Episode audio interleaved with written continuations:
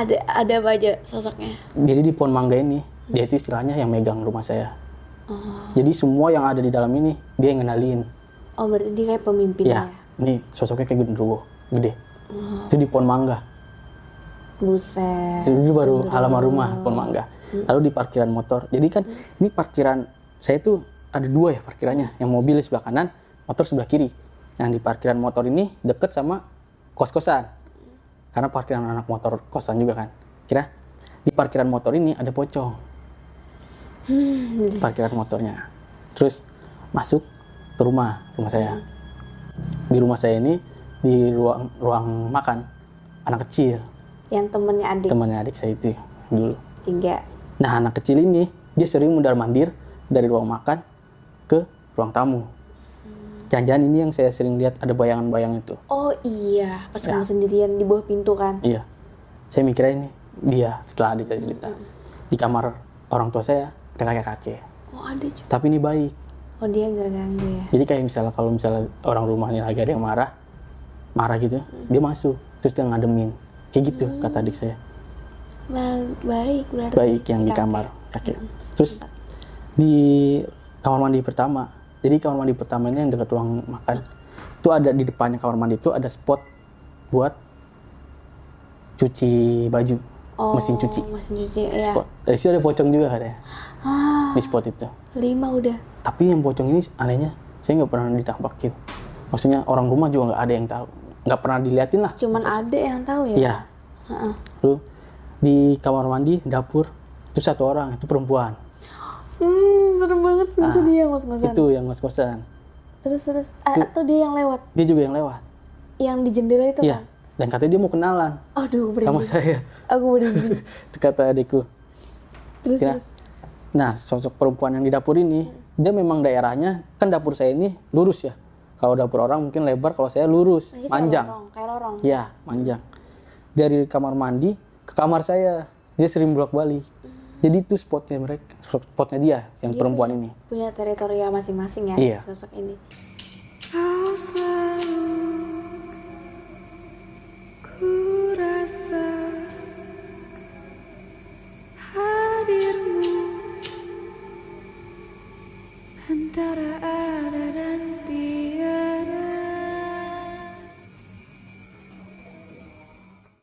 Masyarakat adat, gimana nih kabar kamu? Semoga dalam keadaan sehat, baik, dan berbahagia ya. Nah, kali ini kamu sudah nontonin adat antara ada dan tiada. Yang mana aku nggak sendirian, ngajak narasumber buat bercerita langsung pengalaman horor nyata mereka. Nah, kali ini kita kedatangan seseorang yang punya cerita. Ternyata rumahnya itu, bekas rumah tepatnya, pernah dihantui. Sampai yang ngalamin itu nggak cuma dia, tapi juga orang-orang yang ada di rumah itu. Langsung aja, halo Kak Alif. Halo, Kak. Gimana kabarnya Kak? Alhamdulillah baik. Alhamdulillah baik. Kak Alif kemarin ada yang ngirim cerita ke aku dan setelah aku baca, seru banget sih. Iya.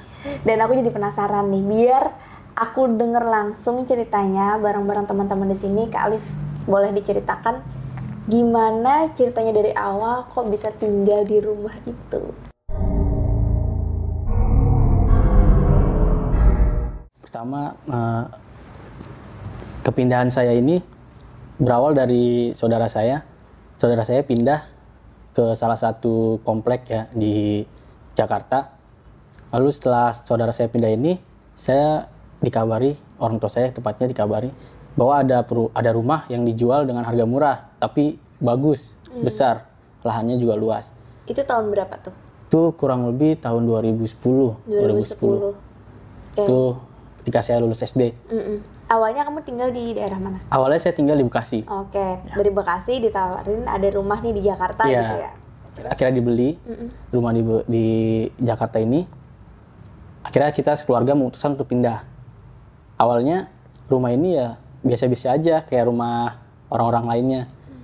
Setelah 3 sampai 4 tahun saya tinggal, mulai ada tuh gangguan-gangguan dari makhluk halus ini. Berarti selama tiga tahun pertama tinggal tuh nggak ada aneh-aneh ya, nggak ada hal kejadian horor. Nggak ada. Tiga. Kalau- Ya, Kalau dari rumahnya sendiri Dari tampilan apakah menyeramkan atau enggak? Coba diceritakan. Untuk tampilannya ya pada umumnya rumah pada umumnya ya bagus. Mungkin saya ceritakan lebih detail rumahnya. Di rumahnya itu memiliki halaman yang cukup luas dan di halamannya ini ada satu pohon mangga besar. Oh, Besarnya itu ya kayak pohon mangga di kebun raya Bogor gitulah, Oh, gede. Oh, gede banget besar, ya, memang gede besar. banget. Itu pohon mangga besar. Lalu di rumah saya ini juga ada kos-kosan untuk Oke. anak yang ngekos, anak orang lain yang ngekos, mau ngekos. Kos-kosannya ini ada 12 kamar. Di bawah ada 6, di atas ada 6. Dan bentuknya itu rattle L. Berarti ini rumah kamu, ini letter L kosan gitu ya? ya, ini rumah. Terus sebelahnya ini ada lorong nih. lorong itu buat masuk anak kos. Nah, sini kosannya. Eh, si pohon mangga di mana? Depan rumah? Depan rumah. Depan rumah ya, Pas bukan depan kosan. rumah. Depan Bukan. rumah sini ya? Depan rumah. Oke.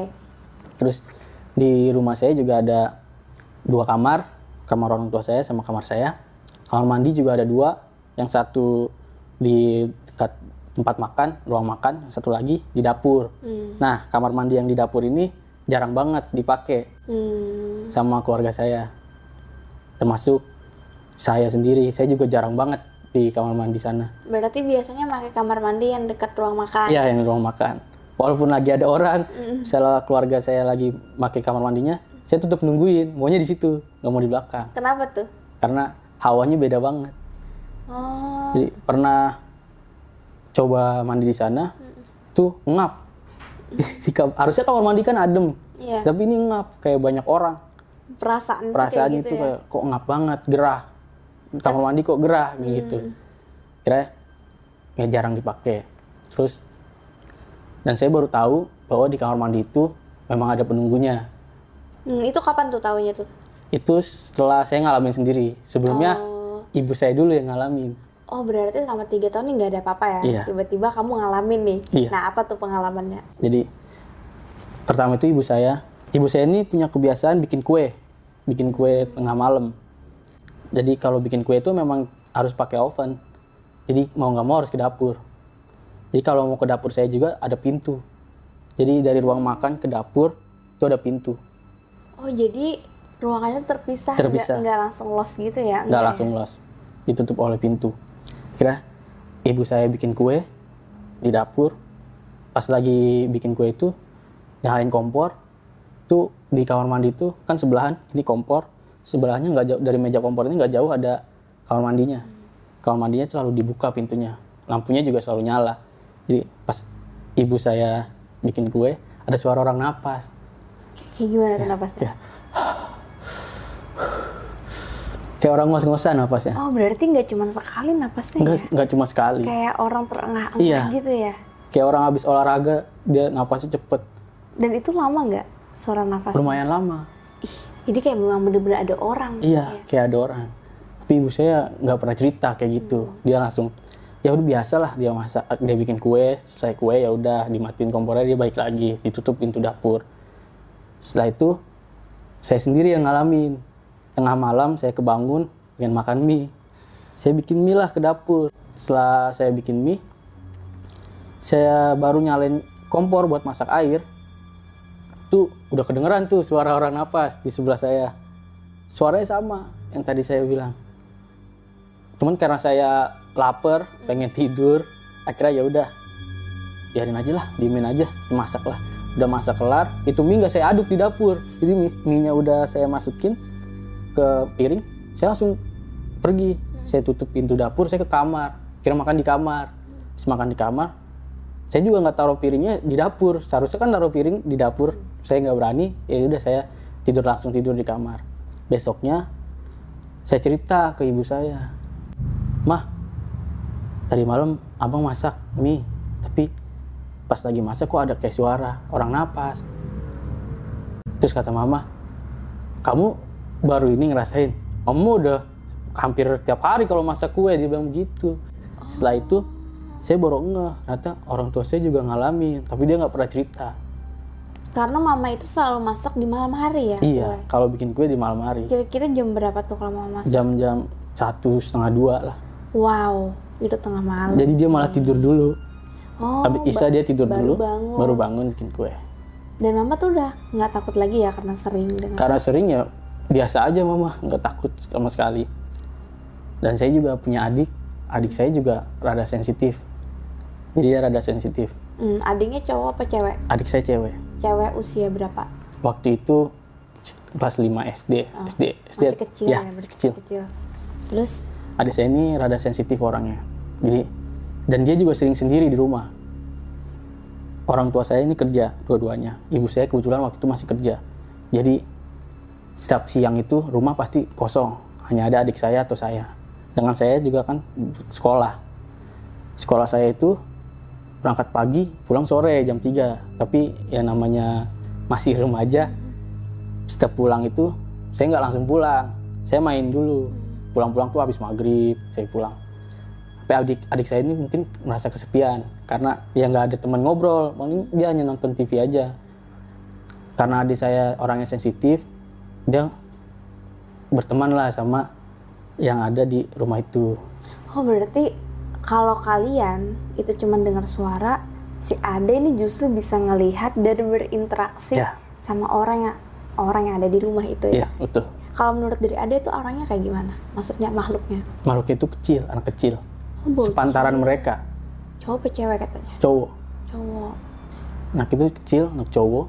Dan awalnya ini dia kayak ke adik saya itu menggambarkan kalau dia ini teman. Hmm, Jadi dia baik-baikin adik saya. Sampai akhirnya mereka berteman.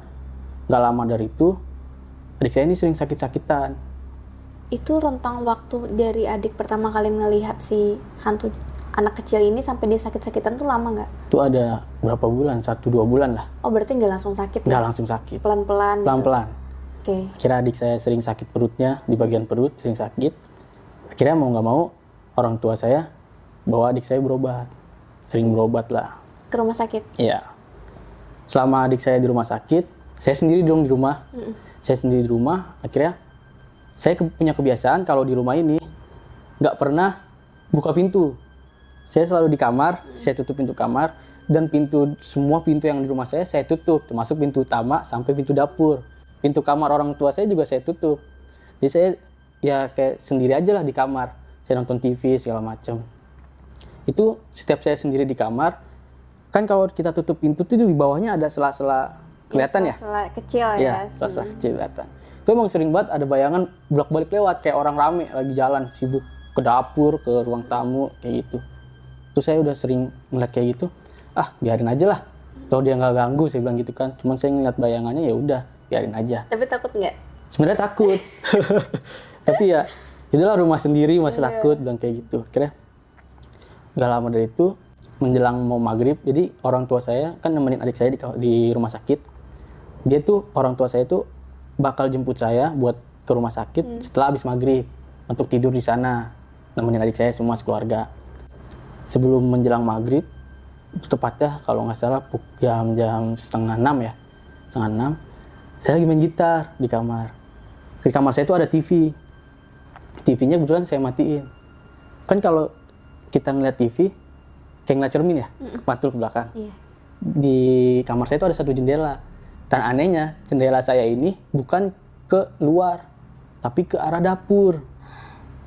Terus saya juga nggak ngerti itu yang bangun rumahnya gimana. Justru di dapur itu yang seremnya kan? Justru yang seremnya di dapur. Dan mengarah ke sana. Terus terus apa yang terjadi? pas saya main gitar, saya biasa main gitar, saya sambil lihat ke TV, itu ada cewek lewat, tapi jalannya pelan-pelan. Dia jalan jalan tegak gini, jalannya pelan. Dia berhenti pas di jendela. Jadi kayak di tengah-tengah jendela kamu ngeliat dia iya. berhenti. Tapi saya ngeliatnya nggak langsung ke dia, tapi lewat TV itu. Karena kan mantul, Oh, TV-nya iya. mati. Kalau dari pantulan TV tuh kayak gimana Iya. wujudnya? Itu saya inget banget, perempuan, jalannya tegap gitu. Dia masih nyamping di jendela, rambutnya panjang. Nggak lama dari itu, saya ngeliatin tuh TV. Saya nggak berani nengok tuh, cuma sih ngeliatin yang di TV. Ini bener nggak sih? Pas saya liatin, dia nengok. Oh jadi awalnya tuh kayak gini, Iya. Kayak gini ya, terus Iya, ingat iya. kamu kayak gitu. Dia nengok begitu. Terus saya liatin langsung, oh, ini apa nih? Saya bilang gitu. Akhirnya, nggak lama dari itu, saya nengok. Dia, dia langsung, cepet banget perginya. Oh jadi dia sadar kamu lihat Iya. ya, terus pergi kayak gitu. jadi pas saya nengok dari selesai saya lihat dari- yang di TV itu saya nengok dia langsung set cepat itu saya kalau cerita ini emang merinding banget. Bener. terus abis itu saya buka pintu kamar saya langsung lari ke dapur. Saya nggak waktu itu nggak takut nggak apa. Saya langsung lari ke dapur. Iya kok ke dapur larinya? iya saya ngincer ngejar orang itu. Itu siapa? Saya buka pintu dapur lihat kanan kiri nggak ada. Terus saya bilang ini siapa? Woi jangan ganggu. Ini rumah gua. Gitu. Terus pas saya di situ saya tutup pintunya pas baru saya tutup tuh langsung merinding semua. Wah saya langsung lari keluar rumah. Di situ baru saya takut. Pas sudah buka pintu kamar apa pintu dapur yang nggak ada orang saya baru takut itu. Saya tutup saya langsung lari ke depan. Di situ saya nungguin anak kos kan. Karena saya takut buat masuk lagi. Kebetulan juga hari udah gelap mau mulai gelap karena udah mau ajan maghrib kan.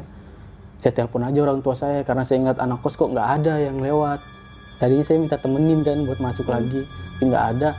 Saya telepon ayah saya yang di rumah sakit. Saya bilang ya abang lihat ini dari jendela gini gini. So, ayah bilang ah kamu mah bohong kali itu halu doang. Bilang gitu kata dia begitu. Kira saya jelasin gini gini ya udah ntar ayah pulang bentar lagi. Kamu tungguin aja. Ntar ayah jemput yang gitu. Terus setelah selesai nelpon saya nggak berani masuk. Saya masuk tuh cuma ngambil sarung sama sejadah terus saya langsung- langsung lari ke masjid. Betul rumah saya deket masjid. Saya ke masjid. Saya nunggu orang tua saya itu di masjid dari maghrib sampai isya. Saya di masjid nggak berani pulang. Sampai akhirnya ayah saya sampai rumah dia nelpon kak kamu di mana? Terus ini abang di masjid. Yaudah ya udah di rumah. Saya pulang ke rumah. Terus kamu apa sampai isya di masjid? Bang takut ya. Tadi abang ngeliat itu ya udah langsung ayah saya ngambil hordeng itu jendela dihordengin. Nah mulai dari hari itu jendela itu udah dihordengin. Dan nggak pernah dibuka lagi.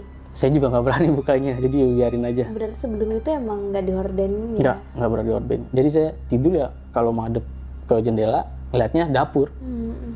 akhirnya setelah itu saya ikut ke rumah sakit tidur di sana. Dan setelah itu ibu saya yang mulai diganggu.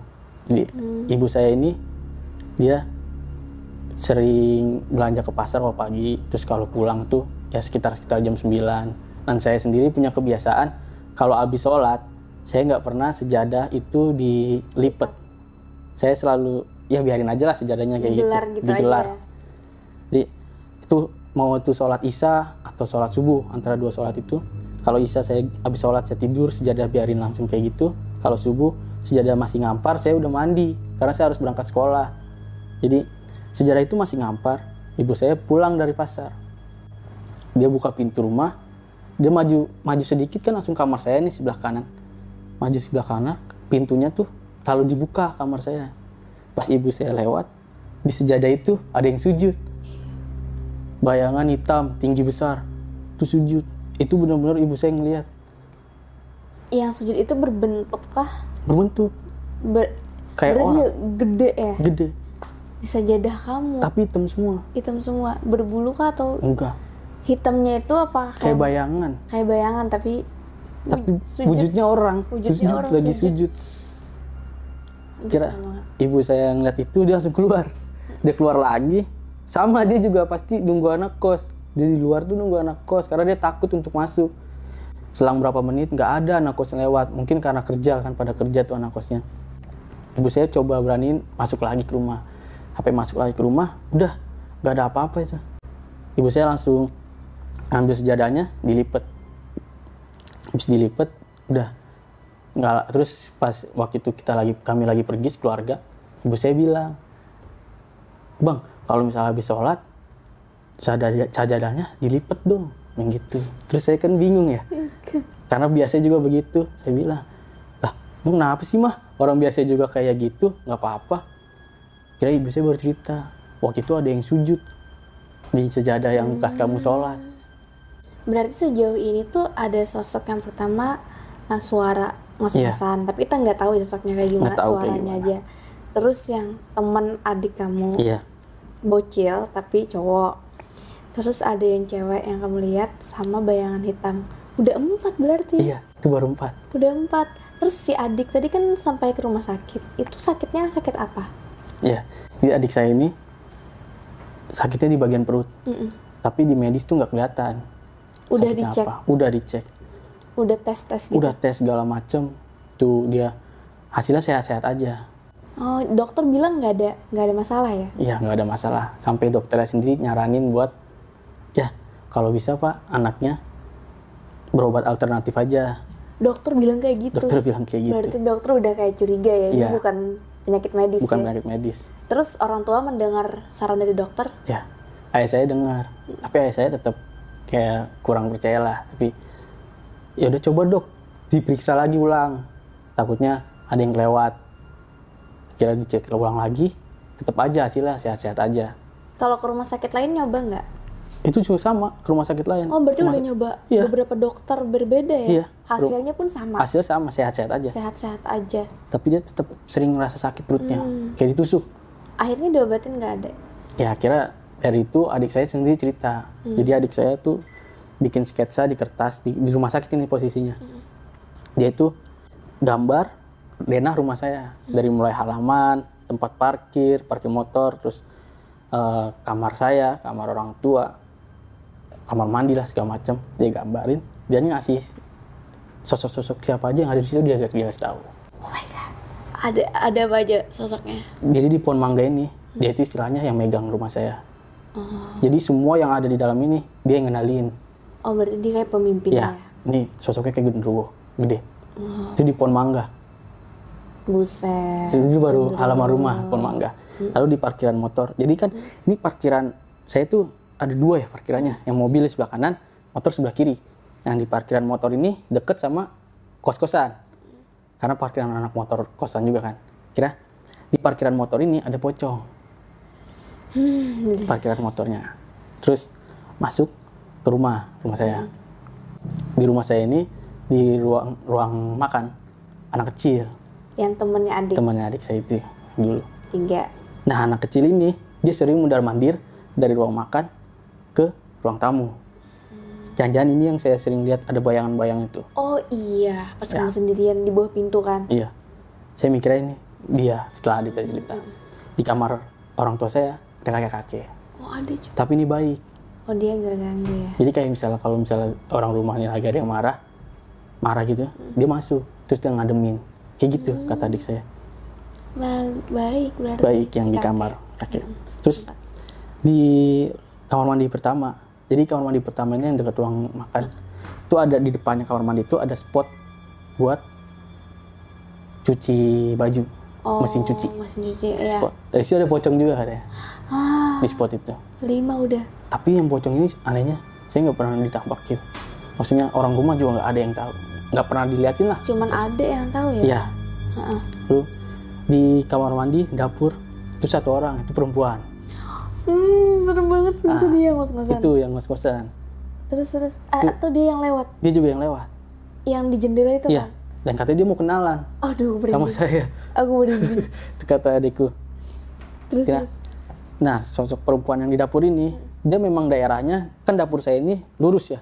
Kalau dapur orang mungkin lebar, kalau saya lurus, Jadi kayak panjang. lorong, kayak lorong. Iya, panjang. Dari kamar mandi ke kamar saya, dia sering bolak-balik. Jadi itu spotnya mereka, spotnya dia yang Dia perempuan punya- ini. Punya teritorial masing-masing ya. Iya. sosok ini. Tuh, jadi emang lumayan banyak. Setelah itu malam itu pernah ibu saya digangguin. Ibu saya lagi tidur sama ayah saya berdua. Ben- Bentar, berarti sosoknya cuma itu. Ya, kalau dari gambaran adik. Kalau di rumah ya, di gambaran adik iya. Berarti yang sujud itu yang dari Itu nggak tahu, belum tahu. nggak tahu ya? Belum tahu, Atau itu dari pohon mangga juga nggak tahu ya? nggak tahu. Karena itu bayangan. Bayan. Ah, terus lanjut lanjut ya. Ayah Terus sama pernah malam ibu saya diganggu juga. Jadi lagi tidur, jempol kakinya dimainin. Ih, Jadi jempol kaki itu dimainin gini-gini. ini diuul-uul kayak Iya. gitu. ya? Terus ibu saya bangun dong otomatis. Karena kan sama aja kayak orang nyenggol. Kayak orang bangunin kan. Dia dimainin gini jempol kakinya, ibu saya bangun. Karena anak kecil. Terus anak kecilnya nyengir, lari ke dapur tapi tembus tembok dari kamar orang tua saya. Ibu kamu yang lihat gimana? Ibu saya ngeliat langsung teriak kan istighfar, astagfirullah gitu. Terus ayah saya di sampingnya bangun. Ayah saya bangun terus nanya, ada apa mah? Tadi ada anak kecil main jempol. Terus katanya, dah langsung ambil wudhu aja. Mungkin itu mimpi juga kan. Terus saya ambil wudhu terus tidur lagi gitu. Ya udah lagi terus nggak lama dari itu selang berapa hari jadi ayah saya punya kebiasaan buat ngecek kamar kosnya kos kosannya jadi siapa tahu takutnya ada yang bawa lawan jenis atau bagaimana. Tidur setiap tengah malam. Sebenarnya ini rutin. Dicek. Dia sekitar jam 1 jam 2 waktu-waktunya orang sholat tahajud lah. Itu dia ngecek. Jadi di kamar kos itu kan letter L di bawah 6 di atas 6 kamarnya itu eh, kamar mandinya itu ada tiga. Dua di bawah satu di bawah tangga satu di ujung satu lagi di atas. Itu ayah saya ngecek baru naik tangga pas ayah saya nengok. Jadi kan tangga itu kan munter gini. Oh, jadi pas ayah saya udah pas ini kan ngelihat kamar mandi yang di ujung. Di kamar mandi di ujung itu ada bayangan hitam berbulu matanya ada matanya merah. Begini dia. Menurut dia tuh sampai nggak apa ya sampai tingginya itu melebihi pintu kamar mandi. Makanya dia sampai nunduk begini. Oh, dia tuh di dalam kamar mandi. di pintunya Di pas pin- di oh, di pintunya pintunya kamar mandi. Jadi kayak berarti hampir ke depan kamar mandi iya hampir gitu di ya? depan kamar mandi. Itu karena nggak mungkin karena dia tinggi banget kan. Hmm. Dia sampai nunduk begini setengah nunduk. Matanya merah. matanya merah. Itu nyorot Merah kayak bercahaya gitu. nggak merahnya ya merah aja gitu kayak Merah redup aja tapi merah iya. gitu ya.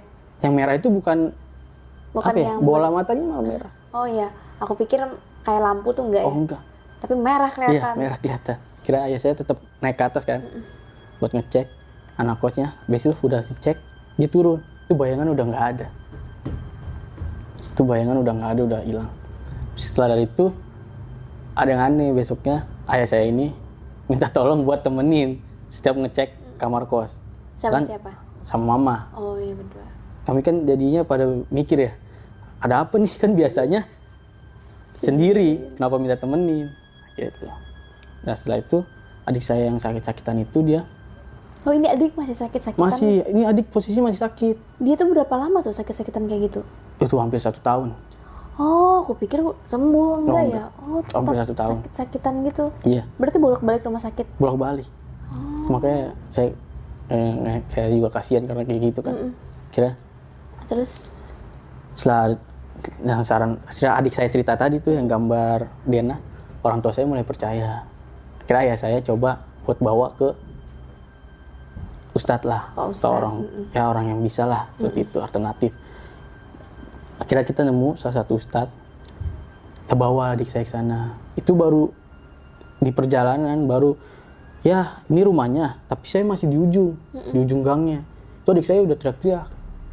Oh, dia teriak-teriak kenapa? Dia bilang takut. Oh, dia nggak mau. Dia bilang nggak mau ke sana takut. Dia bilang kayak gitu. Dan saya yakin itu bukan adik saya. Oh, dia kayak tapi yang kesurupan gitu yang ya? nempel itu yang temannya itu mungkin. Oh, yang anak kecil cowok. Mm-mm. kira udah tuh kami mau nggak mau harus bawa dong. Tetap karena kan udah jauh-jauh masa yang nggak jadi. Jadi dibawa adik saya ke dalam itu. Itu baru kami masuk rumahnya. Ustadznya itu udah tahu. Wah ini mah rumah. Dia bilang kayak gitu. Ini rumahnya. Ustadznya bilang kayak gitu.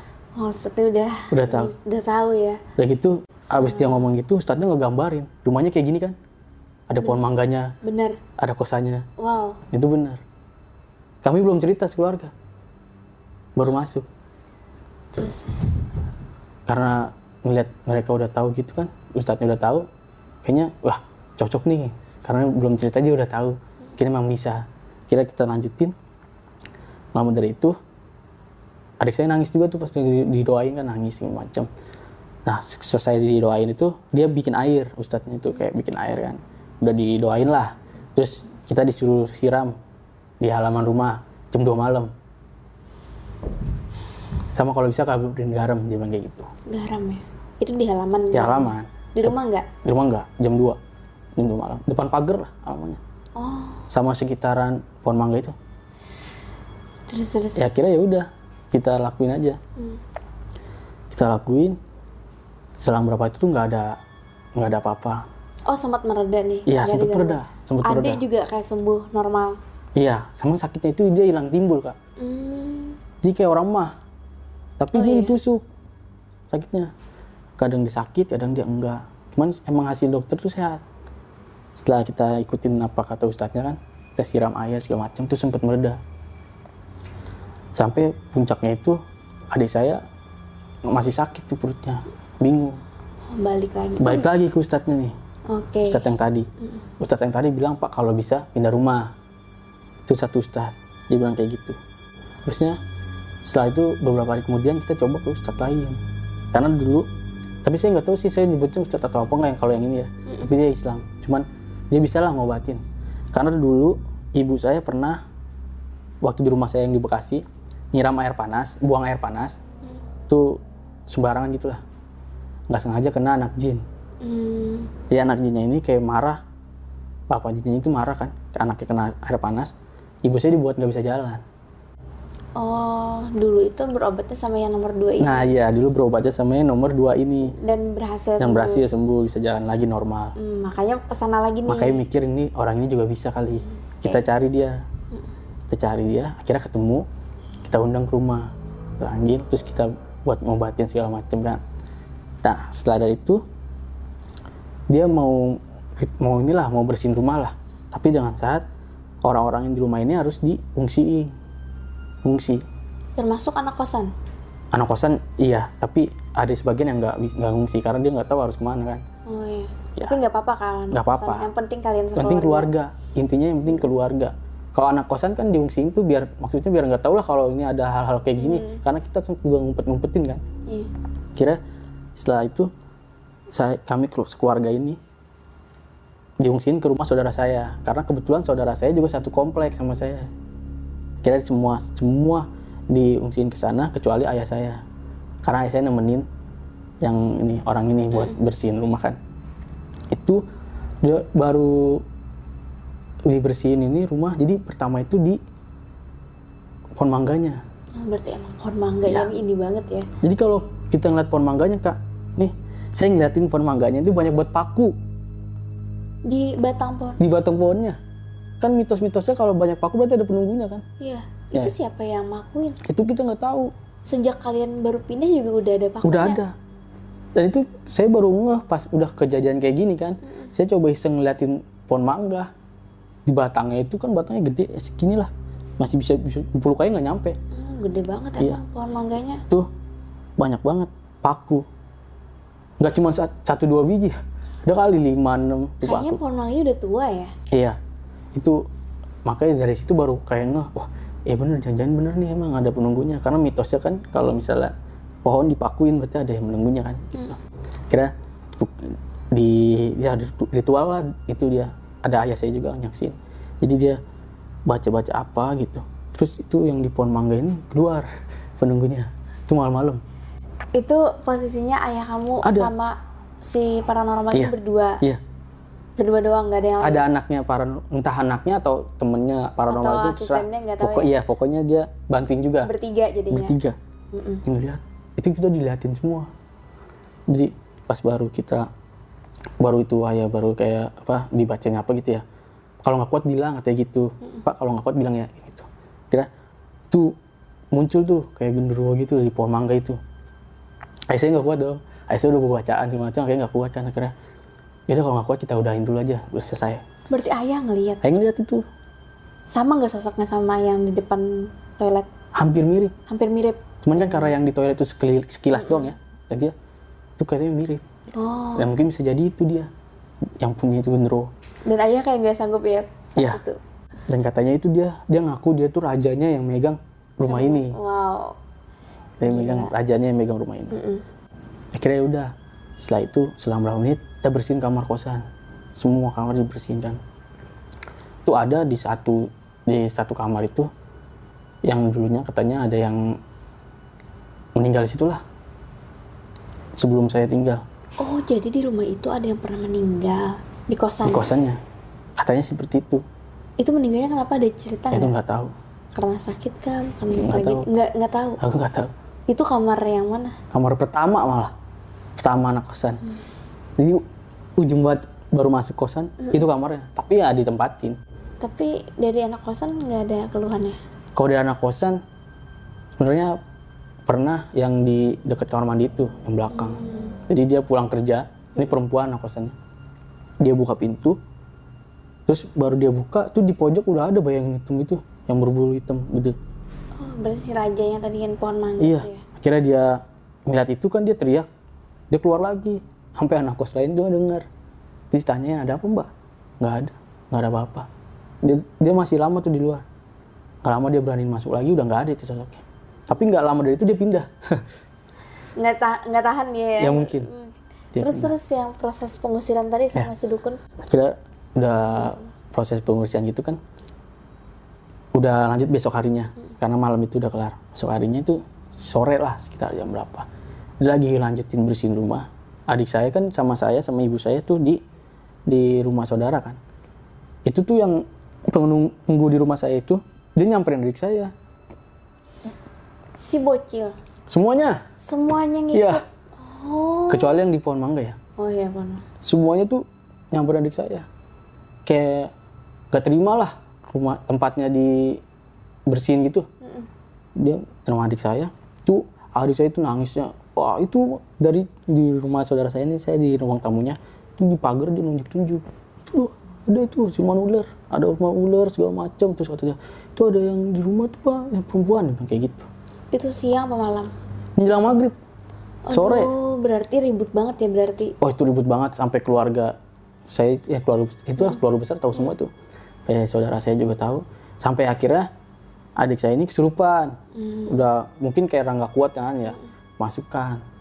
Wah dia nangis tapi suaranya cowok. Dia kamu dengernya mau suara cowok iya itu dia teriak dia suara cowok. Sampai saya sendiri nangis ngeliatnya karena saya tahu ini bukan adik saya. karena sedih ya Sedih. adik sendiri Iya. sampai kayak gitu Terus saya bilang, ini bukan adik saya nih, ini bukan adik gua. Siapa lu keluar gitu kan ya. Sampai saya inget tuh katanya kalau orang kesurupan jempolnya dipencet lah gitu. Saya pencet jempol kakinya saya ditendang, mental saya. Itu tenaganya kuat banget. padahal adik kamu cewek Iya, cewek. Dia nendang saya tuh saya sampai mental. ih Akhirnya ini pada panik kan. mm-mm. Saudara saya juga pada panik. Saya nyusulin lah ke rumah, rumah ya saya. Saya pulang, saya manggil, bilang, ayah, Pak, nih adik saya kesurupan, gitu. Yaudah ayo langsung sana, sana. Akhirnya udah ke sana, adik saya makin menjerit-jerit tuh. Wah, pas orang itu datang mau ngobatin, dia ngobrol sama adik sama adik saya. Dia ngobrol, dia teriak, jangan ganggu anak ini, ini punya saya. Dia bilang kayak gitu. Terus yang orang ini yang bisa ngobatinnya dia bilang, jangankan minta anak ini, anak ayam juga nggak gue kasih, dia bilang kayak gitu. Terus dia bikin air apa atau diobatin, dikepretin tuh ke adik saya, adik saya langsung pingsan kan. Udah kesurupannya udah kelar, dia langsung pingsan. Habis dia pingsan, nggak lama dia sadar, dia langsung nanya, teman-teman aku di mana? Gitu. teman-teman di masjidnya teman-teman Yang dianggap teman itu. Nggak. Jadi teman-temannya itu udah udah hilang lah. Sudah udah udah lepas dari adik saya. Udah lepas. tapi itu posisinya masih di rumah saudara ya? Masih di rumah saudara. Sudah udah tenang kita tetap nginep di rumah saudara kan karena mau lanjutin beresin rumah itu. Setelah rumah itu beres kayak ada permintaan lah dari si yang di pohon mangga itu. Dia kayak minta permintaan gitu. Kalau misalnya nggak mau ganggu kayak misalnya dia bilang beliin rokoknya lah ini minta rokok. Tapi rokoknya sih kayak nggak tahu rokoknya apa. Mungkin rokoknya mereka beda ya. Hmm. sajiannya beda kali ya. Hmm, pokoknya minta sajen lah Iya. pada intinya. Hmm. terus yang orang ini nyanggupin. Yang orang pintar ini dia nyanggupin. Saya bisa ngasih tapi saya harus pulang dulu beberapa hari. Kayak gitu. Jadi dia pulang dulu nih. Dia pulang tapi keadaan rumah udah lumayan stabil lah. Tenang deh. Tenang. Walaupun ada sedikit-sedikit yang mungkin ada gangguan yang dirasain tapi ya namanya bekas kejadian itu saya juga pribadi masih takut. Iya jadi kayak masih parno gitu ya, ya. di rumah itu udah tidur bareng-bareng aja dah sekeluarga. Satu kamar sekeluarga. Ah tapi ada selama si paranormalnya itu balik ada kambuh lagi nggak Oh, enggak. sakitnya? Sakitnya udah mulai reda. Semenjak abis kesurupan itu kan dibersihin tuh terus dia bilang teman-temanku mana? Itu dia udah nggak sakit perutnya. Perutnya udah nggak sakit udah nggak ngerasa sakit. Berarti dia selama ini sakit perut karena ditempelin? Ya si hantu-hantu itu. Iya karena dibuat. Setelah itu Oke. terus? orang itu balik lagi dia kayak ngasih tameng.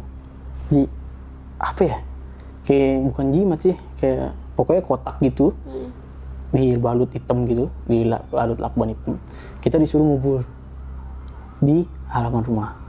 Di bawah pohon mangga nggak? Enggak di mana aja yang penting di masih di daerah rumah ini. Maksudnya masih di daerah rumah inilah kayak gitu kita diikutin akhirnya setelah dari itu kita emang disaranin kalau bisa pindah ke kapasitas Tuh, paranormal ya, ini. jadi udah udah Dua. berobat dua itu dua dua ustadz yang beda ya. Jadi dua-duanya ini bilang kalau kita tuh sarannya harus pindah dan kalau bisa secepat mungkin. Hmm. Dan kayak gitu. Berarti rumahnya memang nggak ketolong gitu ya? Iya, Sebenarnya ya, walaupun udah diusahain, kayaknya bakal tetap balik gangguan itu. iya. Terus kalian memutuskan pindah nggak di sini udah?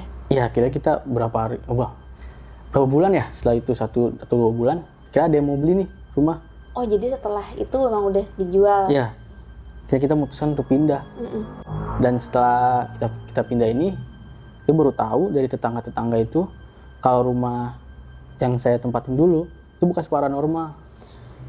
Oh sebelum itu nggak pernah tahu? Nggak pernah tahu, Tapi emang nggak pernah cerita ke tetangga? nggak pernah, Jadi- Kalian pun juga nggak cerita juga ya? nggak pernah cerita. Karena mungkin ya ini ke apa kejadian untuk keluarga kami ya mungkin kami aja lah yang ngerasain nggak usah lah orang lain ngerasain gitu. Apalagi tetangga takutnya jadi bahan omongan kan begitu. Kira tetangga bilang kayak gitu para, bekas paranormal. Nah paranormal ini udah pergi peliharaannya itu ditinggalin. Ditinggal. Oh, Oke. Berarti saat kalian udah pindah, itu kosnya dijual juga? Iya, anak kosnya tapi pindah semua. Oh, berarti dijual rumah sama kos-kosannya. Iya, Terus kalian pindah, baru ngobrol sama tetangga nih. iya. Tetangga ada yang ngomong Baru tetangga yang ngasih tahu bahwa dulunya rumahnya rumah bekas paranormal. paranormal. Itu yang rumah paranormal sebelum kalian kah atau sebelum-sebelumnya? Mungkin sebelum-sebelumnya atau sebelumnya saya juga nggak tahu karena itu nggak jelas. Dia ngomongnya cuma dia ngasih taunya ini rumah dulu bekas paranormal. Oke. Dulu ada yang buka praktek. Oh, Berarti kan paranormal. ah, iya benar. Dan itu berarti adalah peliharaan si paranormal yang Iya, ditinggalin. yang gitu. ditinggalin. Makanya disuruh pindah. Iya. Karena si sosok-sosok itu ya emang di Emang di situ tempat iya. tinggalnya. Kayaknya juga nggak bisa ditahan-tahan lagi gitu ya. Karena ke kesehatan adik ya. Iya. Karena kan yang penting kan adik saya sehat. Mm-mm. Itu aja sih. Karena kan dia juga masih muda. Jadi kalau sakit-sakitan kasihan juga lah. Saya juga ngeliatnya juga gimana Sedih ya. bolak-balik ke rumah sakit tapi lihat adik sakitnya nggak ketahuan apa. Kira karena saran-saran dari yang orang-orang itu juga katanya suruh pindah. Akhirnya kami memutuskan untuk pindah. Iya. Nah sekarang aku mau ada beberapa pertanyaan terkait dengan cerita Alif. Yang pertama tadi kan kalian pindah ke sana dari Bekasi ke Jakarta. Dari awalnya ada kecurigaan nggak sih dengan rumah itu? Mungkin apakah harganya gimana? Lebih murah kah atau standar aja dibanding di rumah yang lain? Yang sepengetahuan saya itu kita pindah ke sana itu nggak pernah ngerasa kalau rumah itu tuh ada penghuninya. Jadi kayak rumah normal-normal biasa aja. Tapi kalau dari segi harga dibanding harga dibanding sama Pasaran harga pasaran. pasarannya tuh sama luas bangunannya itu relatif lebih murah. Oh, jadi memang harganya lebih murah. Iya. Apa karena alasan itu juga kemarin ngambil? Bisa jadi. Mungkin karena alasan itu. Karena rumahnya gede ya, Iya. berarti ya ada rumah, ada kosan, luas juga halamannya, terus harganya lebih murah dibanding. Harganya lebih murah. Tapi nggak ada curiga juga, Nggak, nggak ada nggak curiga. ada sih. curiga sama sekali. ada curiga. Terus eh, itu kan rumahnya si tetangga pas kalian pindah bilang rumahnya bekas paranormal. Tetangga ada cerita nggak sih? Apakah tetangga di sana udah tahu rumahnya berhantu atau tetangga pernah ngelihat penampakan di rumah itu? Ada nggak cerita dari tetangga? tetangga sih nggak pernah cerita ya pernah cerita itu. Saya juga baru tahu kalau itu bekas paranormal tuh yang pertama kan dari ustadz ustadz juga tuh. Terus ya, dia juga dari tetangga pas kita udah pindah. Tapi kalau misalnya orang lewat kayak teman saya gitu lewat rumah malam lewat rumah saya tuh dia kayak melihat rumah serem banget sih. Kayak gitu. Di pohon mangganya lebih ke pohon mangga kan. Serem banget sih gelap gitu. Padahal itu terang. Padahal ada lampu, lampu, Lampu. dan terang ya lampu terang. halaman tuh. iya Oh, cuman dia kayak gelap banget sih serem gitu berarti kalau dari pihak orang luar ngelihatnya tuh cuman ke sana seram, Iya. tapi nggak ada cerita nggak ada yang ngelihat penampakan, nggak ada ya. Tapi kita nggak tahu sih ya, Nggak tahu karena sih. tetangga jadi nggak cerita karena dia nggak ya. cerita. Nggak cerita. Terus terkait rumah kamu itu kan sekaligus kos-kosan. Itu ada 12 kamar, biasanya penuh nggak kamarnya? biasanya penuh Nah kalau dari pihak anak-anak kosan ada juga nggak cerita selain yang ngelihat mbak-mbak tadi? ya itu Ada cerita nggak? ceritanya tuh cuman kayak ada ditampakin terus kayak dia ketakutan terus dia tuh eh, kayak gimana ya dia ke orang pinter juga lah bilang kalau dia sering diganggu Oh jadi ada salah satu Iya. penghuni Iya. yang diganggu, terus dia ke paranormal. Mm-mm, kayak gitu Terus gimana tuh setelah dia datang dari paranormal? terus dia disuruh kayak ritual gitu kalau malam Jumat tuh mandi kembang Si anak kosan mati kembang. iya Gimana jadi ketahuan kalau dia mandi kembang? jadi ketahuannya itu saluran airnya itu macet. Hmm, saluran air anak kosannya macet. Otomatis kok anak kosan kan bilang dong laporan ke ayah saya. Bilang pak ini saluran airnya macet. Itu kira ayah saya turun. Dibersihin lah selokannya. Pas lagi dibersihin pas sudah lancar kembang semua itu yang, ngalir. Kembang tujuh rupa gitu ya. iya kembang-kembangan gitulah. Ah, Terus ayah kamu gimana? Ya akhirnya udah mikir wah ini ada yang nggak beres gitu. Nggak lama ya udah kita bilang kalau ada yang rasa kayak gini datang aja ke rumah daripada disamperin ntar dilatin anak kos lain kan. Nggak lama ya dia datang. Terus dia minta maaf dia cerita kalau dia emang diganggu. Dia bilang diganggunya tuh kayak gimana? dia bilang pokoknya kayak gede tinggi gede gitu Oh dia diganggu sama sosok yang besar iya. tinggi mungkin itu yang di depan rumah ya Bisa jadi. karena kalau kita pikir-pikir tadi ayah kamu ngeliat di kosan yang iya. genderuwo tadi. Iya. si mbak-mbak itu juga Oh, iya. genderuwo juga. Kayaknya dia nggak ganggunya si genderuwo tuh lebih ke kosan ya. Iya bisa. Kalau ke rumah kan beda lagi Beda kan? lagi beda lagi rumah. kan? Si genderuwo ini justru ke anak-anak kosan. Tapi ada nggak sih anak kosan yang ibaratnya baru sebentar dia pergi gitu? Nggak betah? Oh kayaknya nggak ada nggak ada ya? Minimal ya tiga empat bulan baru pindah. Tapi yang pindah tuh pernah nggak dia pindah karena kehantuan ya itu yang yang mandi kembang tadi Mm, sama yang sebelumnya itu yang ngelihat oh yang mbak mbak ngeliat itu nggak lama dari itu dia pindah Hmm. yang lain nggak apa-apa dan nggak apa-apa karena mayoritas penghuni lama sih Hmm. jadi kayak udah entah dia Oh. udah biasa dan dia juga ya nggak apa-apa nggak masalah atau gimana atau memang nyaman memang sebenarnya nyaman rumahnya oh berarti mayoritas penghuni lama ini mereka emang ngekos di sana sama uh, owner sebelumnya Iya. sebelum pindah tangan ke kalian. Mm, jadi mereka udah nggak masalah udah ya? nggak masalah. Nah ini kan rumahnya dijual nih. Itu orang beli sama kos kosannya juga? Iya. dan si penghuni lama tuh masih di sana juga? Enggak dong. Jadi Udah. pas kami pindah yang beli rumah ini udah bilang nanti kos-kosan mau saya rombak semuanya saya jadiin rumah. Oh dia bisa jadiin satu. dia nggak mau bisnis kos kosan Iya, dia dia, tetap rumah aja? Iya dia mau jadi rumah aja. Setelah kalian kenal nggak sama yang beli beli. rumah. Ini kenal ada cerita nggak? Enggak nggak ada dari tuh nggak ada cerita horor gitu ya? Jadi semenjak kita pindah itu kita udah nggak pernah kita kita kenal sama yang beli, Mhm. tapi kita nggak pernah balik lagi ke rumah itu. Lewat gangnya juga enggak. Iya sih karena kan ke adek ya dampaknya. Oke. Kira ya terus tadi juga ada yang ketinggalan ya. Jadi waktu Ustadz itu juga pas ngeliat rumah itu yang baru masuk, Mhm. kita kami baru masuk tuh, Ustadznya ngomong rumahnya juga dikelilingin oleh ribuan monyet, monyet hitam. rumahnya Iya, monyet monyet astral ya iya monyet ya astral, tapi hitam legam gitu, ribuan, ribuan. Ih serem banget Dibilang gitu. berarti itu rumahnya emang bener-bener jadi sarang ini sih Ya makanya. sarang penyamun itu pohon mangganya juga dia rada gimana gitu. Jadi pernah penghuni yang lama pohon mangganya ini tuh diborong sama orang mangganya buahnya. diborong dibeli Iya dibeli. Jadi kayak mangganya mau diborong nggak gitu. Terus akhirnya dibeli. Abis dibeli tuh nggak pernah numbuh. nggak pernah berbuah lagi Nggak pernah berbuah itu. lagi. dan itu lama bertahun-tahun Iya sampai akhirnya kami yang nempatin itu baru berbuah lagi. Oh, terus ada cerita nggak ah, kasih pesan kah atau apa sih penghuni sebelumnya Iya. Kalau itu dari anak kos lebih ngasih tahu. oh anak kos Iya, yang penghuni lama. Dia ngasih tahu, kalau misalnya mangganya berbuah, ada yang mau beli, jangan dikasih. Soalnya dulu pernah ada yang beli, terus dikasih, nggak mau tumbuh lagi buahnya. oh Akhirnya, ya basically kayak gitu ada, emang sering banyak kalau lagi berbuah, banyak yang datang nanyain mau di mau dibeli nggak, mau diborong nggak. Tapi ya saya bilang nggak usah, kalau mau ambil aja, tapi nggak usah bayar, bilang gitu. dikasih aja Iya, gitu ya dikasih aja. Oke, terus penghuni yang eh, owner yang baru itu kan dia bikin rumah, udah direnovasi ya? Udah? Atau Iya, masih udah, proses? Udah, Udah, pohon mangganya masih ada nggak? nggak ada, Oh ditebang sama itu dia. bang, sampai habis. Berarti bener-bener dilompak sama dia ya? dan itu tuh saya kalau waktu pas penghuni masih kami itu rumah itu pohon mangganya kan gede banget. Malah sa- kadang sampai daunnya itu ke jalan. Akhirnya mutusin buat manggil orang buat motong lah dipapas papas dikit. jangan dipotong habis tapi papas dikit. Setiap orang yang motong itu habis motong pohon mangga besoknya sakit. Jadi kan yang motong pohon mangga ini kan masih satu RT ya? Iya, iya. dia emang petugas pe- kebersihannya? Kenal lah. kenal kita panggil.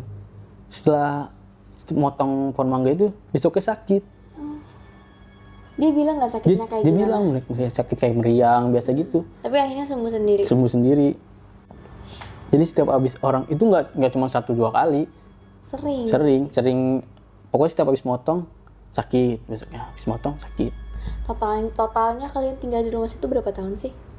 kurang lebih enam Berarti tiga tahun pertama aman, ya Iya. kan? Tiga tahun itu berhantu karena teror tadinya adik sakit-sakitan. Lama loh, bertahannya tiga tahun. iya memang lama Di rumah yang baru nggak kenapa-napa ya? nggak ada alhamdulillah Alhamdulillah, oke.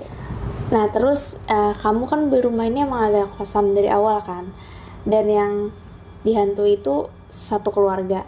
Tapi mama itu kan ngelihatnya cuman bayangan hitam kalau dari cerita tadi, sama yang suara-suara. Ada lagi nggak cerita dari mama ngelihat penampakan? nggak nggak ada sih itu aja sama yang anak kecil itu yang jempolnya anak dimainin. kecil, oh iya anak Ya. kecil. Kalau ayah, kalau ayah lebih ayah saya nggak tahu ya. Ayah kayaknya jarang cerita tapi dia tahu. Oh ayah tuh nggak cerita ya. Iya, mungkin emang dia sengaja nggak cerita takut keluarganya takut lah gimana ya. Kan karena kan dia juga kan nggak tiap hari di rumah dia juga kan kerja. Jadi dia lebih banyak nggak ngasih tahu sih. Hmm, jadi dia cuma cerita yang di kamar mandi di kosan kamar itu mandi. aja. Sama yang sama paranormal ngelihat langsung Iya. gitu ya terus kalau dari cerita kamu tadi kan si Ade itu dia punya teman sepantaran yang bocil tapi laki-laki. Kalian anggota keluarga di rumah pernah nggak sih ngelihat dia ngobrol sendiri kah? Main sendiri kah? Kalau itu lebih ke tante sih yang lihat oh kalau kalian justru nggak? Jadi dulu tante saya awal nikah dia pernah numpang di kosan rumah saya. Karena kan baru nikah. Daripada dari ngontrak atau ngekos di tempat lain situ nah itu siang-siang. Dia tuh ngeliat. Jadi tante saya ini mau ke rumah saya mau ngambil nasi lah gitu. Dia ngeliat adik saya tuh kayak ngobrol sendiri. Tapi dia langsung ngubungin saya kan Alif di mana? Coba pulang dah. Kayaknya adik ngomong sendiri gitu kan. Ah kagak paling dia nonton TV lagi nyanyi bilang kayak gitu. Ya udah tapi dia cuma cerita itu. Dan tante saya juga pernah ditongolin sama yang bayangan hitam berbulu itu oh. di kamar kos. Di- dia tante di kamar yang mana? Yang pertama. Oh berarti kamarnya orang iya meninggal itu yang kan? itu lama nggak tante di sana? Enggak sih kurang lebih berapa ya? Nggak nyampe 5-6 bulan. Habis itu dia ngontrak sendiri. Dia bilang tapi sering nggak dia kehantuan di kamar itu? Enggak itu dia pernah ceritain itu yang jadi bayang dia masuk kamar itu bayangannya itu lagi duduk tapi ngebelakangin pintu. Jadi kalau kita buka pintu kita ngeliat punggungnya. Dia duduknya di lantai kah? Di lantai. Oh bukan di atas kasur ya? Bukan. Lantai tapi madep sana terus tante kamu ngeliat tuh gimana?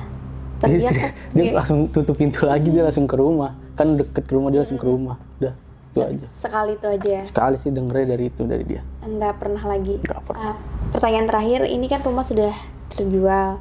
Dan yang dijual juga ke orang yang kalian kenal.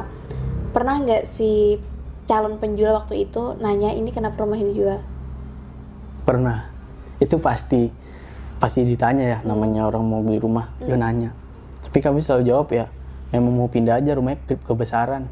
Sedangkan kami cuma berempat. Mm-mm. di rumahnya ini kebesaran. Mau nyari yang lebih kecil aja bilang kayak gitu. Jadi nggak bilang Nggak pernah. Iya itu nanti ntar nggak jadi Iya. laku dong. gak jadi laku kalau ngasih tahu ini ada penunggunya Nggak apa-apa ya. Tapi sejauh ini kayaknya peng owner baru aman-aman aja. aman-aman aja sih Berarti udah dari tahun berapa tuh dijualnya kemarin? saya kelas 3 SMA itu dijual Udah lama berarti nggak ada lama. masalah ya Iya. sejauh ini. tahun 2005 15 2016 itu udah dijual Aduh, udah lama banget sih. Kayaknya betah-betah aja penghuni yang baru. Mungkin Ya, juga kita nggak tahu juga. nggak tahu juga sih ya. Tapi kan yang namanya udah dirombak semuanya, terus pohon mangganya juga udah di, Ditebang. ditebang. Ya semoga lah nggak ada apa-apa semoga lagi. juga nggak ada apa-apa sih Semoga ada, tapi seru banget sih cerita Alif hari ini. Ini rumah berhantu yang epic. Karena satu keluarga ngalamin bahkan juga anak kos sampai adeknya pun menurut aku dampak besarnya tuh ke adek ya. Iya. Sejauh ini adek udah sehat, Alhamdulillah sehat. asal nggak pernah gangguan-gangguan Iya, udah- lagi. udah nggak Tapi masih sensitif. Mungkin masih, tapi mungkin udah terbiasa ya karena udah udah gede juga. Itu adek sensitif apakah karena tinggal di rumah itu atau emang dari awal sensitif? Kayaknya dari awal. Oh, kalau dari awal sensitif itu karena keturunan kah? Mungkin ada Mungkin ada dari dari almarhum kakek. dari almarhum kakek. Ya biasanya tuh kan orang-orang yang sensitif itu karena ada keturunan gitu. Dari kakeknya kah, neneknya kah. Nah, akhirnya salah satu anggota keluarga tuh punya kelebihan lah. Bisa melihat hal-hal yang Iya. Kita nggak bisa lihat biasanya. Oke, Alif terima kasih buat ceritanya. Seru banget. Iya. Semoga bisa menemani waktu senggang teman-teman di sini.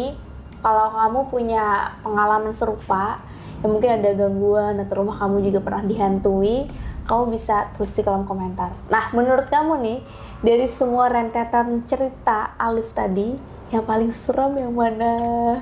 Tulis di kolom komentar. Alif ada mau kata-kata terakhir di sini? Ya paling setiap rumah itu ada penghuninya ya. Cuman ya biarin aja karena kita beda alam. Yang penting kita nggak musik, mereka juga nggak bakal musik. Itu aja sih sebenarnya. Kalau musik baru kita bertindak Iya. ya. Kalau kita bertindak bener-bener. Oke, terima kasih Alif atas ceritanya. Aku sama Alif pamit undur diri. Bye.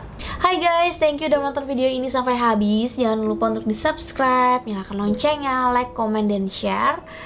Bantu aku untuk membangun channel ini sebagai channel nomor satu penjelasan mengenai mitologi, horor, dan